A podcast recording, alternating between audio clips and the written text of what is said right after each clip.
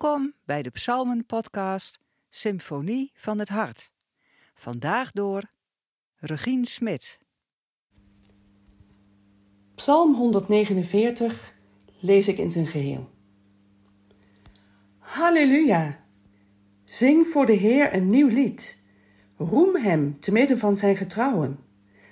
Laat Israël verheugd zijn over zijn machtige maker. Het volk van Sion juichen om zijn koning. Laten zij dansend zijn naam loven, bij lier en tamboerijn voor hem zingen.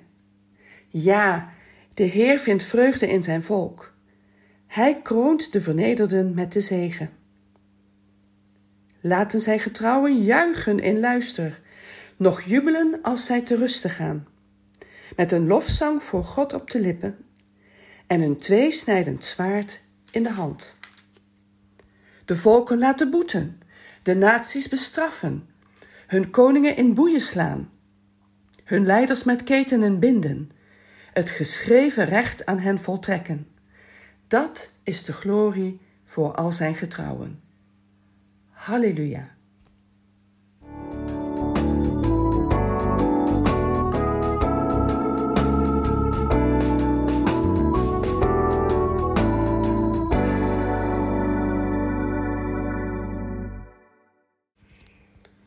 Het lijkt wel alsof op het wereldtoneel alles vastloopt. De prijzen van voedsel worden steeds hoger. De hitte en droogte rukt op in de wereld. Door oorlogen komen hele werelddelen zonder voedsel te zitten. De migratie van vluchtelingen brengt tot wanhoop en bizarre maatregelen. De olie- en gasproblematiek kiepert de verhoudingen in de wereld om. En telkens weer komt het neer op wie heeft hier de macht? Wie trekt aan de touwtjes? Welke gedwongen loyaliteiten winnen het?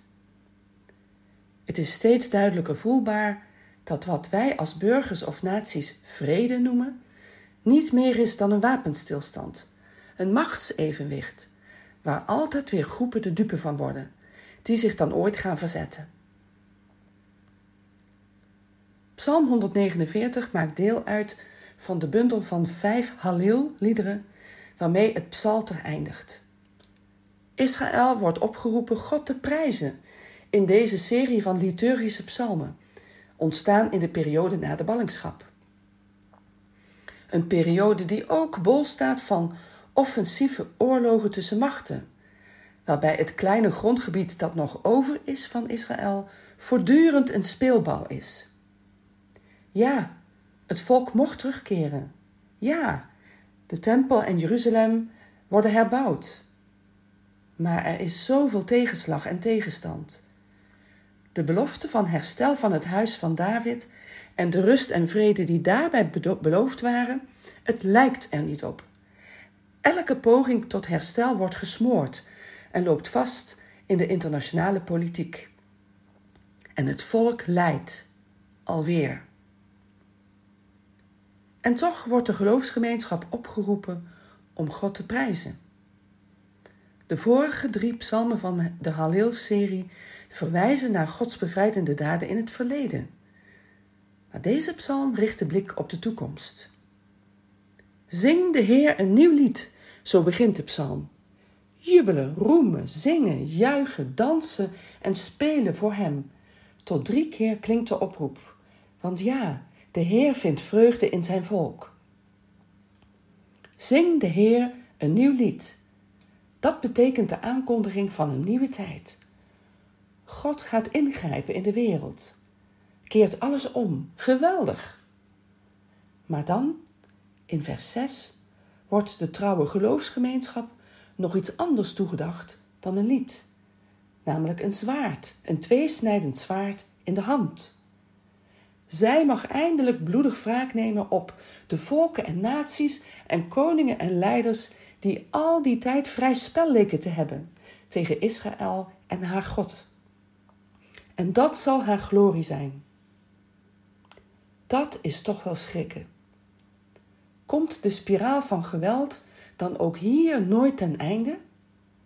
Wat voor vrede moet hier dan uit voortkomen? Hoe komen we dan ooit uit bij de woorden van Psalm 150? Alles wat adem heeft, looft de Heer. dat blijft een enorm spanningsveld. Ook in onze tijd, aan de andere kant van het kruis. Want enerzijds moet gezegd dat in zijn zoon God een nieuwe weg heeft gewezen, die wel van vrede spreekt. Heb je vijand lief. Hij, de zoon, heeft alle denkbare vijanden lief gehad, tot in de dood.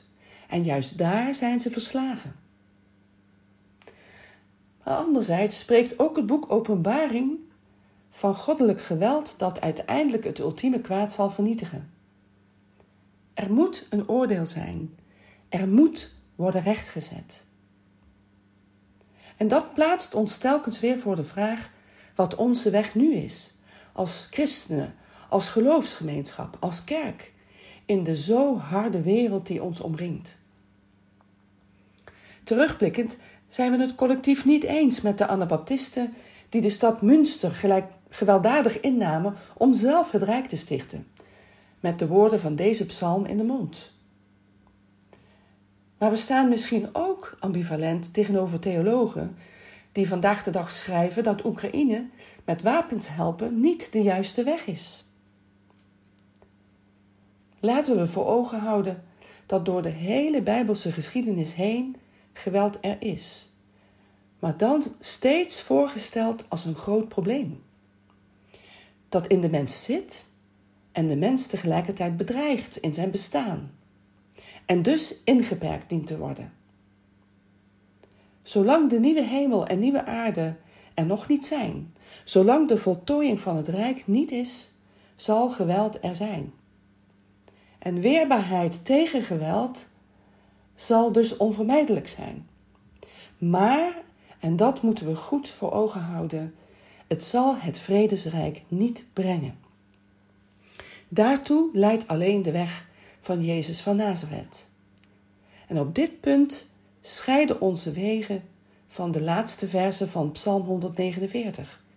Terwijl we met de psalm mee jubelen en juichen vanwege het nieuwe dat de Heer heeft gedaan, werkelijk heeft gedaan in zijn Zoon Jezus Christus. Halleluja.